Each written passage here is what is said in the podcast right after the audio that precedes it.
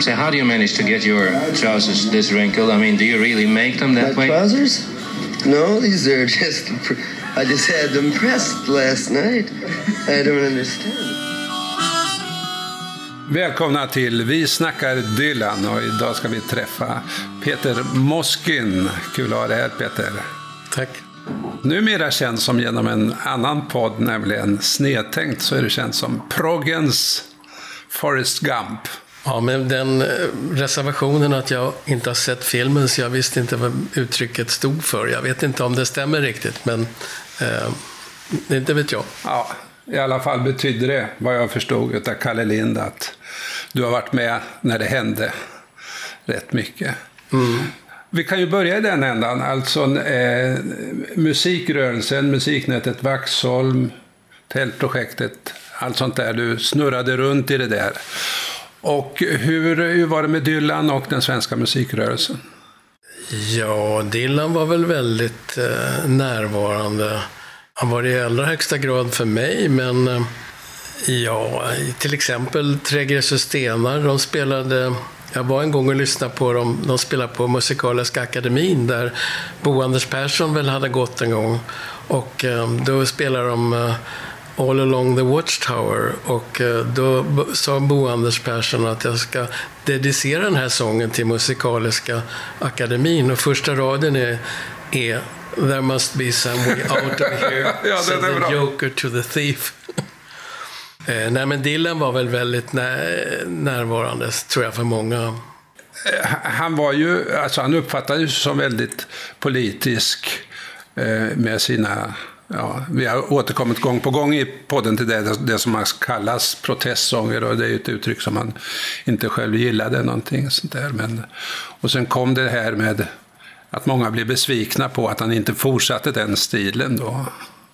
Kände du av några sådana vibbar i Sverige eller? Eh, Alltså, jag bodde i Lund ett par år och det var under min första... Det var då jag verkligen eh, klev in i Dylans låtvärld. Och eh, då fanns ju Blond on Blond, men vi gick och väntade på det som blev John Wesley Harding. Och eh, där var ju, fanns en flera rynkor i pannan på de som gick och väntade. Undrade vad är liksom det här för någonting? Eh, vilket var ingenting mot vad som hände när nästa platta, Nashville Skyline, kom. Men då hade jag flyttat och eh, då hade jag jag recenserade faktiskt den i Expressen på kultursidan, men jag minns att jag ringde till Thomas Tidholm som ju var med i International Harvester och, och var både poet och musiker och liksom ville hur tänker du kring den här plattan och, och sådär? Man var väl liksom förvånad. Och det var ju liksom början till en ny eh, linje i hans skapande. Thomas Tidholm skrev ju en essä i BLM 66, tror jag. Någonting där. Det var det första, vad ska man säga, litterära, som jag minns, eh, alltså när, när någon närmade sig honom från det hållet, ifrån kulturvärlden i Sverige. Ja, och han kom ju så att säga mera underifrån. Va? Jag träffade då, 67 så träffade jag flera, eh, Folke Isaksson, Sanna Axelsson och en del andra. Och de, visste, de hade hört talas vagt om Dylan, fattade ingenting. Det kom nerifrån, Dylans musik. Sen fanns det väl några undantag som Haja. Sån som Eivind Fahlström förstod säkert vad det var. Men eh, det var inte många då. Och så, hur eh, fastnade du? Det var ju liksom en kombination av eh, musiken och texten. Han var ju verkligen... Den första låt jag hörde, det var uh, Blowing in the Wind. Och det var 63. Jag träffade amerikanska studenter när jag bodde nere i Sydfrankrike. Och så tänkte jag, vem har skrivit en sån här låt? Och sen gick det ett par år och då jobbade jag på kibbutz och fick eh, höra Don't think twice som jag då skrev upp texten till och lärde mig. Eh, och då visste jag vem Dylan var. Och sen när jag kom hem så hörde jag Mr Tambourine Man eh, som sjöngs av en svart sångare på krogen Kaos i Gamla stan. Minns du vad han hette? Nej, tyvärr. Och, eh, men framförallt var det 67 då jag läste ryska, för jag hade läst ryska i lumpen. Och, eh, Eh, vi reste genom Sovjet och där fick vi inte ha... Vi hade kassettband med oss, men de blev plomberade för att eh, KGB trodde att vi skulle göra några undersökningar eller något sånt. Så att när vi första morgonen när vi kommit ut i Sovjetunionen i Tjeckoslovakien, jag kom gående ifrån, hade duschat och kom gående. Eh, och då hörde jag hörde jag Dylan, I want you. Och då kände där sa det, det var tredje gången gilt, pang. Och sen lyssnade jag på Dylan oavbrutet i ett år. Jag tyckte det var en fantastisk värld som öppnade sig. Jag har hört en annan på den här podden, jag minns inte jag vem det var, men, han, han åkte i en bil i amerikanska sydstaterna och så hör han I want you. Och så fastnar han för den låten. Det är rätt spännande. Alltså. Du är ju musiker också i Gläns över sjö och strand och på olika saker. Hur, hur har du förhållit dig som musiker till, till Dylan? Ja, alltså han, han har ju absolut påverkat eh, mig som låtskrivare. Och för övrigt så eh, är det på grund av Dylan som jag började spela munspel. Eh, jag liftade i Norge och där var det väldigt långt mellan liftarna så att jag hade gott om tid att träna på munspelet. När jag kom tillbaka så kunde jag lite mera toner. Alltså den låt som jag har valt att prata om, Desolation Road, det är en sån som eh, jag vet att det är flera som på något sätt har varit inne på det spåret, men jag har också gjort ett försök att göra så att säga, min Desolation Row, som finns på Gläns över Sjöstrands första platta. Mellan vatten och land heter den. Kan du stanna upp i den där mellan vatten och land? Mm. Alltså, är, det, är det låten som du har gjort en egen text till med ja, samma melodi? Nej, nej. Det är min melodi och, och, min text. Det är så att säga ja, inspirerat kan man väl säga, Desolation Row. Och, men jag vet att jag har tänkt på att det är andra som har gjort sådana Eh, ja, det finns ju ett eh, säga, ökänt exempel. Love Explosion gjorde en låt som heter Djävulens patrask som var med på deras första platta. Men där har de behållit Dylans melodi. Och eh, det ledde ju till att Sonett, som väl hade rättigheterna till Dylan, kallade upp folk från MNV. Jag var med då faktiskt och, och, och resonerade och försökte få dem att Eh, men nej, det gick inte, så plattan drogs in och de fick göra en ny melodi och så. Va?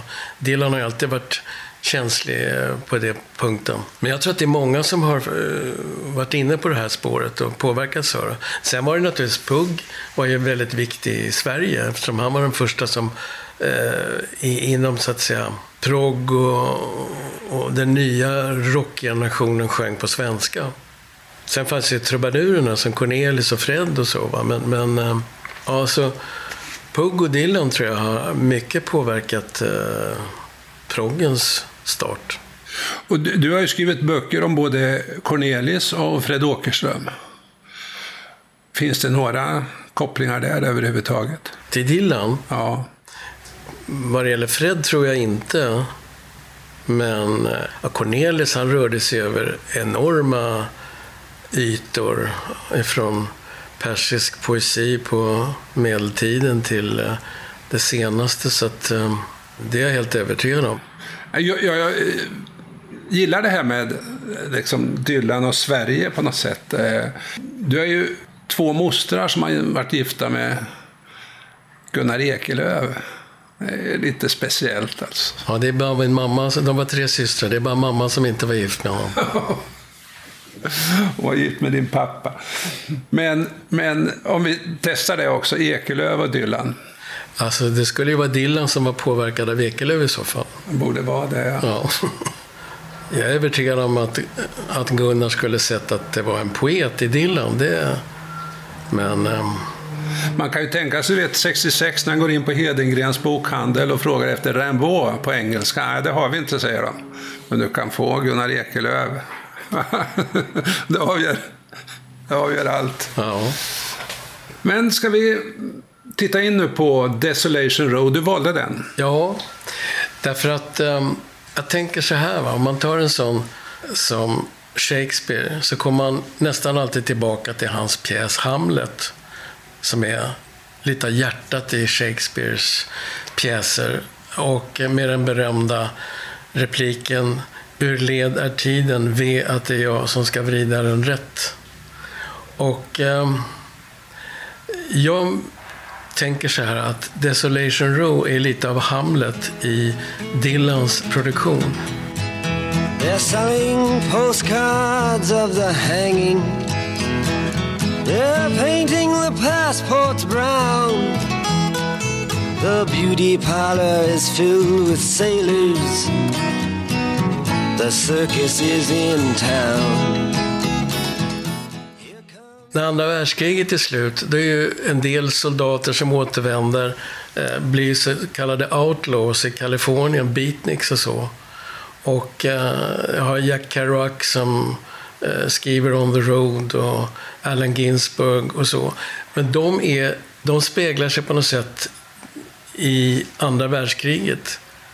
Dylan skulle man kunna säga är den första 40-talisten.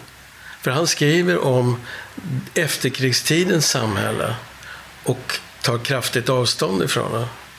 Det är det som Desolation Row handlar om. Eh, hela den, så att säga, eh, jag menar som det var i Sverige, det var, om du var arbetargrabb så gick du ut sex eller sju år i folkskola sen började du jobba. Om det var eh, från borgarklassen så gick du läroverk och sen så var det studenten, rekryten och universitetet och eh, sen gick man in liksom i samhället. Och det fanns en väldig massa liksom fasta normer. Va? Eh, allt var stängt på långfredagen, biografer, restauranger, teatrar och så. Det var ett, ett ganska slutet och strikt samhälle. och det är så att säga det som 40-talisterna som sen blir 68-rörelsen tar avstånd från. Och det är det också som, som Dylan gör i Desolation Row. Han vänder liksom, menar, Casanova måste man eh, mata med sked för att han ska få självförtroende. Ja, det är en massa figurer som liksom eh, allt ifrån Kain och Abel till eh, Einstein eh, som var känd för länge sedan för att han spelade elektrisk fiol på Desolation Row. Med ett stort avstånd och ett stort ifrågasättande eh, som, som eh, Dylan skildrar eh, det här samhället, efterkrigstidens samhälle och som ju så att säga enormt ifrågasätts i samband med Vietnamkriget i USA och med 68-rörelsen i Europa. Vi ska se, jag ska eh, läsa upp den, där, den femte versen som du apostroferar här. Einstein disguised as Robin Hood with his memories in a trunk passed this way an hour ago with his friend, a jealous monk. När jag hör dig så tänker jag på att det, det finns en kanon, det finns liksom ett fast galleri utav personer. Den är sån och den är sån. Casanova var så, Einstein var så, han visste allt. Och i den här låten så kastar Dylan omkull alltihopa. Mm. Einstein, his memories uh, in a trunk. Han, han har glömt allt alltså. Och så vandrar han omkring och han, han vill inte vara den där ikoniska figuren Einstein längre, utan han har klätt ut sig till Robin Hood istället. Ja. Och det är ju lite kul, för Robin Hood var ju en sån som tog från de rika och gav till de fattiga mm. också. Och så har han en munk med sig som är with his friend the jealous monk som är avundsjuk på honom. Det, då ser du det så att säga utifrån Einsteins synvinkel. Men om du ser det ifrån, utifrån betraktat så är, så är så att säga, det är ett avståndstagande från Einstein också. Han har klätt ut sig, han, eh, han har en, en mystisk munk med sig och eh, jag tror att det fortsätter att he looked so immaculately frightful. Ja. Eh, han såg liksom för, ja, skrämmande ut och bommade en cigarett. Ja. Och sen så gick han iväg för att och, och lukt, sniffing drain pipes. Now he looked so immaculately frightful as he bummed a cigarette and he went off sniffing drain pipes and reciting the alphabet. Ja. Han tar ju liksom lika mycket avstånd ifrån den här personen, eller betraktar personen på avstånd. Och undrar liksom, ja, utan, utan en slags självklar eh, tanke att det här är en, en viktig människa. En grej här, när jag, jag har ju lyssnat på den här hur många gånger som helst. And he went on sniffing dream pipes. Har jag alltid hört. Okej. Okay, ja, ja. Röker piper med kanske brass i eller någonting mm. sånt där och får drömmar. Va? Men han luktar på drainpipes, det är avloppsrör. Ja. Men det, är ju typiskt för Dylans sånger att man, man tror att man hör någonting och sen så läser man texten sen. Den fanns ju inte på den tiden när de här skivorna kom ut, va? utan man fick ju gissa sig till vad det var. Alltså. I, eh, jag brukar regelbundet lyssna på Erik Skylt på P2 som ju är en fena på att hitta spännande musik. Och i det sista programmet i augusti så eh, utgår han från en bild av den här, Eh, han heter väl Hieronymus Bosch tror jag. Eh, ganska känd bild, stor tavla som föreställer ett vinterlandskap någonstans i Belgien med mycket detaljer. Det är jägare som kommer hem, hundar, det är folk som håller på med sina hus, alltså lagar mat eh, och rör sig. Några åker skridskor till och med tror jag. Och det är på ett sätt en väldigt realistisk tavla. Men Dylans tavla av, desole, alltså av efterkrigstidens samhälle, det är realistiskt, men han säger jag är inte med på det här. Jag vill inte vara med. Kontakta inte mig såvida du inte skriver till Desolation Row, för det är där jag lever. Det här samhället är inte mitt. Så, så tänker du att Desolation Row, för det, det, är ju någonting som man pratar om hela tiden. Vad är Desolation Row? Är det liksom en, en eh, han påstår att det var en gata nere i Mexiko, eller är det, är det någon eh, typ Bowery eller något sånt här eh, södra Manhattan där avsigkomna existenser... eh, Nej, jag tror varken det ena eller det andra. Det är alltså ett ställe där du har klivit ut ur tavlan. Du vill inte vara med liksom. Jag citerade i Snedtänkt en sak som eh, den svenska konstnären Shanna Bankir har sagt. Som handlar precis om det här. Eh, vi vill inte ha ert liv och vi vill inte ha er politik.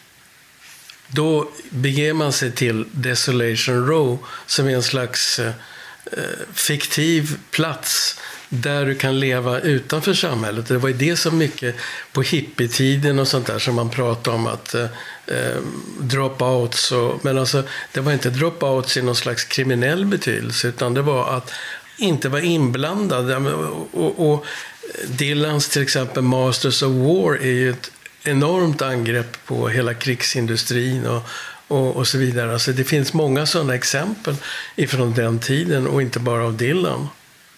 Så att eh, Desolation Rose, som jag ser det, det är du, har, du är kritisk emot det här samhället som anser, jag menar det är rekordårens samhälle som anser att den enda rätta vägen är liksom med bil, Volvo, Ville och Vo, Villa och Vove till exempel. Va? Eh, Det finns en slags... eh, eh, Det är inga, ingen, man ifrågasätter inte, utan så här är det. Men Dylan säger, nej, jag är inte med på det här. Men det här Desolation Row verkar ju vara ganska kusligt och skrämmande på många sätt också.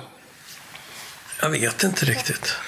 Alltså, det, en sak som gör den så, så mystisk och svår, man kan inte lämna den och säga vad är det här? För det, när man har en bild så får man en annan. Alltså, ibland så tittar de in i Desolation Row, ibland tittar de utifrån. Och så finns det en rad Escaping from, to Desolation Row. Den börjar med att han säger As a lady and I look out tonight from Desolation Row. Ja. Det är där han befinner sig. Det är därifrån han betraktar samhället. Men i sista versen, Ja, då, då säger han att eh, eh, jo, jag fick ditt brev häromdagen. Eh, och eh, om alla människor, jag kommer inte ihåg vad de heter och jag kommer inte ihåg hur de ser ut. Eh, och är det så att du vill skriva till mig så skicka till Desolation Row. Och dessutom så börjar han med att säga Yes, I received your letter yesterday about the time the doorknob broke. Det är något väldigt dramatiskt när låsvredet på dörren går sönder. Alltså det är en petitess. Va? Å andra sidan kan man säga att om du låsvredet går sönder och du inte kommer in till dig själv, det är mer dramatiskt. Men eh, jag har alltid tolkat det som att det, du, ska, du, pratar om skitsaker. Så vill du prata med mig om något väsentligt så skriv till Desolation Road. Det är där jag befinner mig. Ja, men du, när jag läser den här texten från the official site, då står det sista raden i låten. Not unless you mail them from desolation. Ja, ja, just det. Jo, men precis. Eh, därför att om du, om du skickar dem ifrån Desolation Row, då ser du ju på samhället ifrån Desolation Row. Och då är han intresserad. Men om du befinner dig inuti det etablerade efterkrigssamhället och rekordåren, då är han inte intresserad. Ja, det finns mycket i den här sista versen som säger Yes, I received your letter yesterday about the time the doorknob broke. When you asked me how I was doing, was that some kind of joke? Mm. Därför att hur skulle man kunna må bra i den här tiden? All these people that you mentioned, yes, I know them. They're quite lame. I had to rearrange their faces and give them all another name. Vad är det? Ja, det är ju liksom att eh, det är väl det han gör kan jag säga med Einstein och Askungen och eh, Casanova och så i sin text. Va? Att han omarrangerar deras liv och, och bilden av dem och ger dem egentligen ett annat namn. För att så som han beskriver Einstein, det är ju inte så som du och jag betraktar Einstein. Nej, men det, det, är också en slags meta litterär kommentar. Alltså att här, här har han en, en, låt och sen så kommenterar han hur han har skrivit den. Eh, alla de här personerna. Jag, hade ju, jag var tvungen att ändra namn på dem och ändra deras sätt att vara. Det skulle ju kunna vara att han, han berättar om vad han har varit med om i Greenwich Village här alltså. Och så ger han dem alla dessa namn. Och... Ja, nej, för, ja, jag vet inte. För, för mig är liksom låten eh, det första egentliga beskrivningen av det stora glappet som uppstår kring 68. Och det är väldigt många människor som då inte förstår vad vi som var unga då menade med 68-rörelsen. Det har väl blivit begripligare med åren. Men alltså, och, och mycket, men om man pratar om att bilarna var onödiga då, som jag minns att jag gjorde. Det, man mötte sig av hånflin liksom och klappa på axeln, lilla gubben. Det där förstår jag ingenting om. Och att på något sätt betrakta eh, det där samhället på ett, från en annan synvinkel helt enkelt. Några andra detaljer i den här långa låten som, som du har fäst vid? Och till exempel, han är ju inne på det här med litteratur. Han sjunger ju någonstans, jag har glömt vilken låt det är. I'm a poet, I know it, hope I don't blow it. Eh, och här skriver han om hur eh, eh, Titanic Titanics segel har hissats i gryningen. Ezra Pound och T.S. Eliot fightas i kaptenens torn. Kalypsosångare skrattar åt dem och fiskare kommer med blommor. Det är också ett slags avståndstagande från den där litterära kanonen. Jag menar, och man ser det utifrån att han får Nobelpriset 50 eller 60 år senare. Han har gått sin egen väg. Det, det är ju någonting man kan säga till mångas förtret också. Eh, det har han ju verkligen gjort. Och eh, han är inte intresserad varken av det litterära etablissemanget eller... Eh, ja, jag vet inte riktigt. Han, han är väl en sån som har varit intresserad av vissa saker i vissa perioder. Och när han är intresserad av kristendom, då går han in för det till 100 procent. Och sen så lämnar han det bakom sig och eh, så går han in för något annat. Och att förklara hans sätt och, eller personlighet, det, det, det, har ingen, det klarar jag inte. Nej, men alltså, den här versen finns ju så mycket Ezra Pound and T.S. Eliot fighting in the Captain's Tower.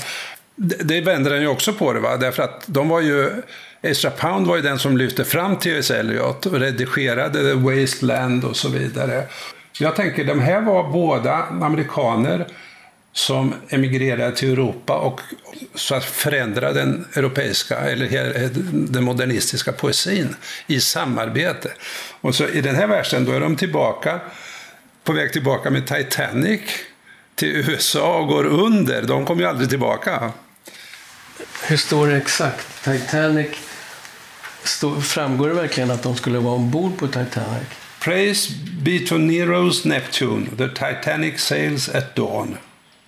Everybody's shouting, which side are you on? Och sen kommer Ezra Pound och T.S. Eliot fighting in the Captain's Tower. Då tänker jag mig att det är på Titanic och de Ja. står där och hojtar. Det kan man tänka sig att det är. Men det, å andra sidan så, när Titanic seglar iväg då i gryningen, då vet vi att båten kommer gå under.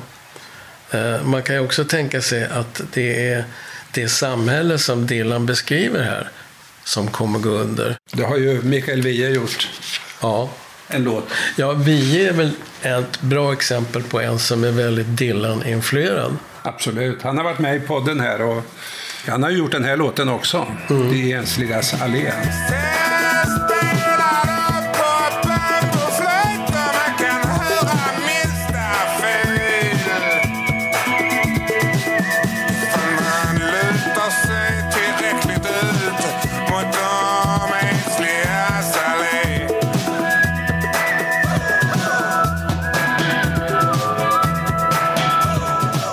Man bara håller på med den här versen, vi skulle kunna sitta Peter länge. Här håller Titanic på att gå under och så säger While Calypso singers laugh at them and fishermen hold flowers between the windows of the sea where lovely mermaids flow. Jag håller på att läsa Odysseen nu. Och eh, när man börjar i Odysseen beskriva Odysseus äventyr, då är han först fången hos Calypso. Och sen släpper hon honom fri och hjälper honom att bygga en flotte. Och Neptun, Neptunus som Dylan säger, han kallas ju Poseidon i, i grekisk mytologi, är ju förbittrad på Odysseus och, och, och gör en stor storm. Och där förekommer de här sjöjungfrurna och fi- fi- fiskar och allting sånt där. Och så räddas han så småningom. Men alltså, okej, tänkte Dylan på det här när han skrev det? Nej, det vet man inte. Men Calypso Singers, de dyker i alla fall upp i den här versen. Ja. Det är rätt intressant. Jag, jag är dåligt bevandrad i litteraturhistoria så jag har inte alls den här kopplingen. För mig är Calypso-sångarna det är liksom eh, Harry Belafonte och det gänget som sjunger och eh, deras liv är betydligt eh, kuligare än både T.S. Eliot och Ezra Pound. De är inte så jävla allvarliga utan de liksom tar dagen mer som den kommer. För övrigt har ju, lär ju en av Dylans absolut första eh, jobb i grammofonstudion varit med Harry, Harry Belafonte. Ja, han kom på honom på munspel. Ja. Och Harry Belafonte ville ta om, men det tyckte Dylan var onödigt. Någon annan eh, bit i den här låten som du vill stanna upp vid? I den här Desolation Row tänka på Alice i Underlandet. Där ingenting är som man tycker att det ska vara, som det är för Alice, allting är annorlunda. Va? Och, och det är ju så att säga de barn som 40-talisterna är. Det är ju de som ser det här samhället som Alice gör i Alice i Underlandet. Som ser liksom hur det egentligen kan verka, eh, vilket inte domprostar och ärkebiskopar och ecklesiastikministrar och eh, polischefer gör. Om man tänker på Beckett eh, med I väntan på Godot handlar väl lite slarvigt om två luffare som väntar på en tredje eh, medan tiden går. Men på något sätt så finns de ju i det där samhället. Men Dylan han räcker ut tungan åt samhället. Det är liksom hela tiden den där skillnaden mellan att vara i samhället som Kerouac. Han är i samhället. Men Dylan han är inte det. Han, han är på Desolation Row och betraktar samhället därifrån. Och ja, men varför då? Eh, det, kan- varför ska man nu räcka ut tungan åt det här samhället? Ja, alltså eh, 40-talisterna, när de växer upp så inser de så småningom att deras föräldrageneration och generationen före det, det är de som har skapat atombomben och de kärnvapen som kan förinta hela jorden. Och det är det som är starkt i början på 60-talet med anti-atombombsmarscher i Europa och, och hur det var riktigt i USA, det vet jag inte. Det, där var de ju mycket senare med och, och, och se det där. Men det fanns ju... Joan Baez lilla syster var ju gift med Richard Farinha. De har gjort plattor ihop. Väldigt bra för övrigt. Och han har skrivit en bok som heter Been down so long it looks like up to me. Och där åker han, då kunde man åka i Las Vegas, åka ut i öknen och titta på atomsprängningar. Och liksom fascineras av eh, att stå där och titta. Va? Och, och det, det, det är återigen liksom, eh, hur kan man fascineras av en atomvapensprängning. Count Basie hade ju det som, som omslag på en, en LP han gjorde. Ja, just det. En stort det har du rätt i. Det har jag aldrig tänkt på. Men, men det är det förstås, ja. Och sen, Dylan pratar ju om eh, Fantomen på Operan i den här eh, Desolation Row. Och eh, jag menar, det är ju ett spöke som finns i operan, i kulisserna. Eh, det stämmer liksom också in på, på, på den här bilden som Dylan målar upp i, i Desolation Row av samhället. Du, det du säger Peter om att ta avstånd och vända upp och ner och sådär. Hur, hur eh, hänger det ihop med ditt liv? Du, du stack ju också på olika sätt. Jo, nej men alltså det som 68-generationen sen upptäcker är ju liksom att man måste också göra någonting åt det hela. Jag var ju väldigt påverkad av gröna vågen. Storstäderna var ju så att säga samhällets eh, mål. Det var så man skulle leva i enorma förorter. Det är då man bygger de här 70-talsområdena också. Som eh, jag tyckte hjärtligt illa om som ung. Men å andra sidan, ju äldre man blir så inser man att någonstans måste ju folk bo. Och det är bara frågan om hur man gör det och de områdena. Eh, de skulle kunna sett mycket annorlunda ut och de skulle idag kunna förändras till något oerhört mycket bättre än det som vi brottas med kring alla skjutningar och allting. Eh, men jag flyttade ut på landet och jag har så att säga bott halva mitt liv på landet. Först i Dalarna och sen i Jämtland väldigt många år. Och numera bor jag ute i skärgården, Stockholm.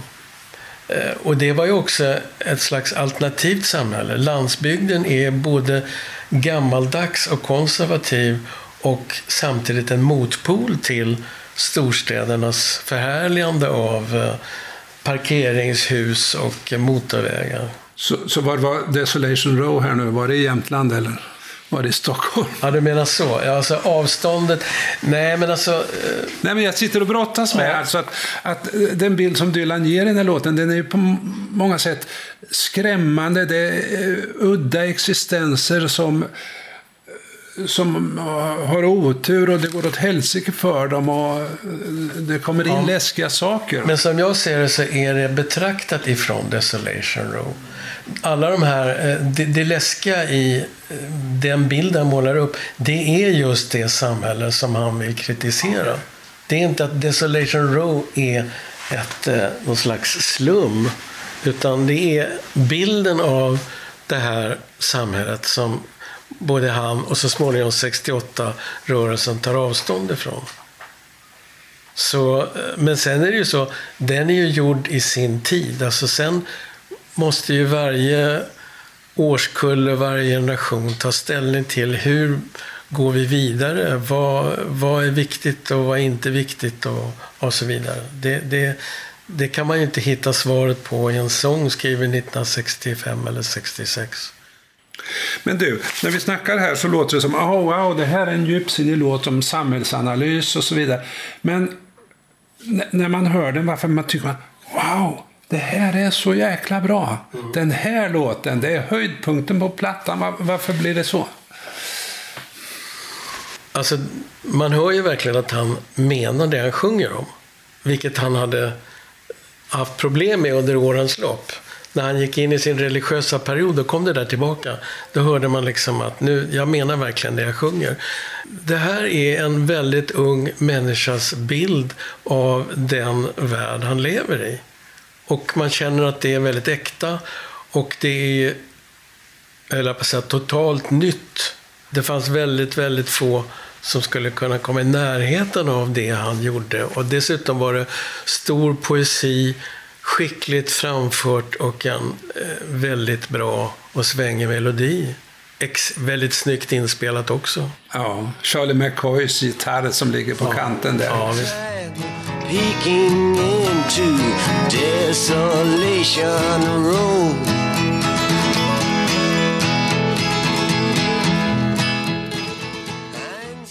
Och det, är ju märkligt för det, mycket av de här skrämmande bilderna som han tar fram här motsägs ju utav en, en mjuk melodi, ett ganska mjukt sätt att sjunga och sen den här vandrande eh, ljusa gitarren som ligger bakom hela tiden. Därför att han som framför det, han har ett alternativ. Det finns en annan lösning på problemen. Det finns en annan värld som är tänkbar. Det är det som är det positiva i låten, tycker jag. För man kan jämföra det med Mikael Wiehes inspelning, De ensligas allé, där han sjunger med en väldigt spänd staccatostämma nästan och sen är det sån hård technomusik bakom där. Va? Jag har inte som, hört det. Nej, men det som, som understryker det här skrämmande. Va? Så det är väldigt olika sätt att göra. Ja. Jag, jag har ju så att säga redan sagt emot den mörka sidan av Desolation Row. Jag, jag tror att det jag tycker att det är en hoppfull låt.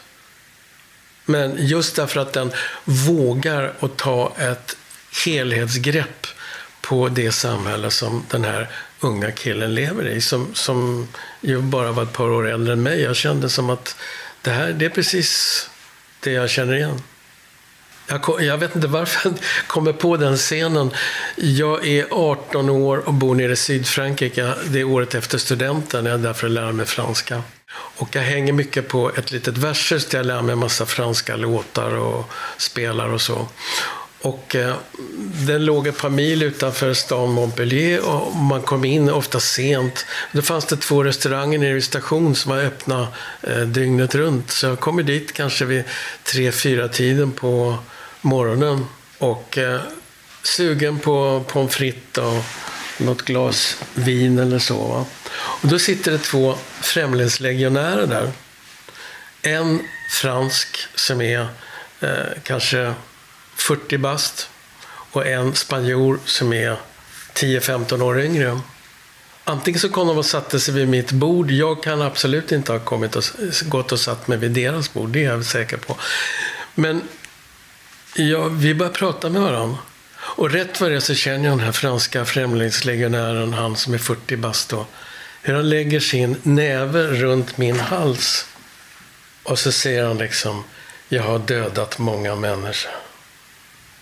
Och jag, jag, jag håller liksom på att svimma. Jag blir hur skraj som helst. Men jag vet inte riktigt vad han ville säga. Men alltså, det är en bit av det samhälle som fanns då. Jag vill inte säga att, att det inte skulle finnas idag. Det finns ju en massa legosoldater och annat. Va? Men, men och jag vet inte riktigt varför det här dyker upp, just det här minnet, just nu. Men... Ehm, ja, det kanske du kan förklara. Nej, men det, det, jag tänker på när du berättar det här, alltså jag blir också skrämd när jag hör det. Va? Men då, då, då, går jag till första versen här. Och det är ju den här otroliga första raden. Han har ju ofta Dylan så starka första rader. Kommer, They're selling postcards of the hanging. They're painting the passports brown. Och det här mm. är ju en verklig händelse som hände 15 juni 1920 i hans hemstad Duluth.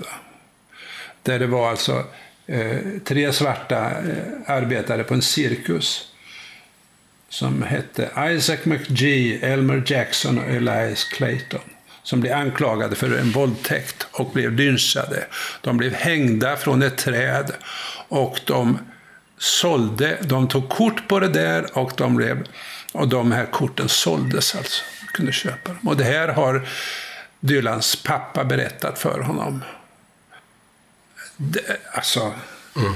det är verkligheten. Ja, ja visst, visst. Det var en väldigt bra koppling du gjorde där. Och så kommer The beauty parlor is filled with sailors, a circus is in town. Mm. Och så kommer en rad, Here comes a blind commissioner, they got him in a trance. Så det skulle man kunna tänka, vad är det här? En blind commissioner, någon slags eh, tjänsteman som är blind. Men, men då kan man tänka sig att det, det krävs, alltså när du pratar om samhället, det krävs att det finns personer med, med höga ställningar som blundar alltså Ja, detta, exakt. detta våld. Precis. Och så kommer det en rad här också. And the riot squads, they restless, they need somewhere to go. Och det är också vad vi ser idag. Sådana här piketstyrkor och specialstyrkor som väntar på. Vi, vi, vi- vi vill rycka ut och göra något. Och det finns en annan rad i en annan vers där han pratar om agenterna. Ja. Som, eh, som they round up everybody who knows more than they do. Liksom, att man tar, man tar de som vet mer än en själv. At midnight all the agents and the superhuman crew come out and round up everyone that knows more than they do. Ja, Peter. Vi har börjat peta i den här låten. Det finns så mycket mer alltså.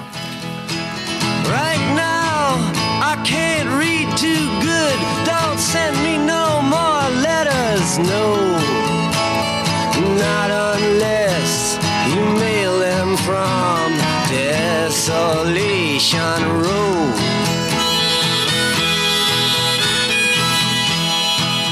Eh, vi, vi får ju snacka om din nya skiva. Och den heter Hjärtat slår i Nordanlanden. Slå ditt hjärta i Nordanlanden.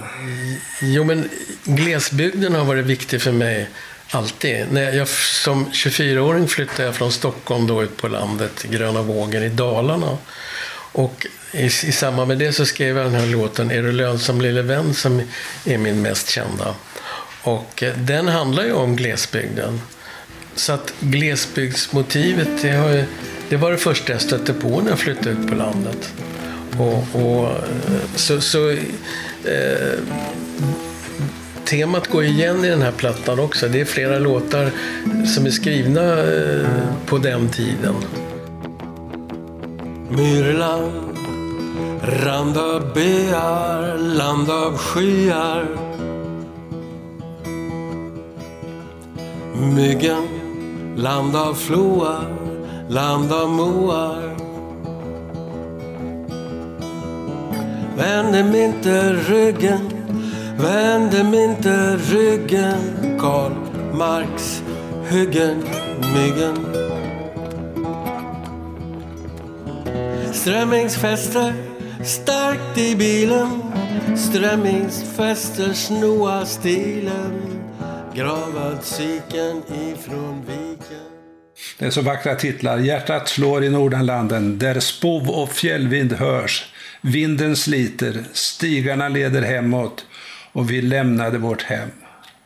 Och så ser jag på omslaget en väldigt vacker bild med björkar över Kallsjön, Jämtland och fjällen där bakom. Tack ska du ha för att du ville komma hit till Vi snackar Dylan.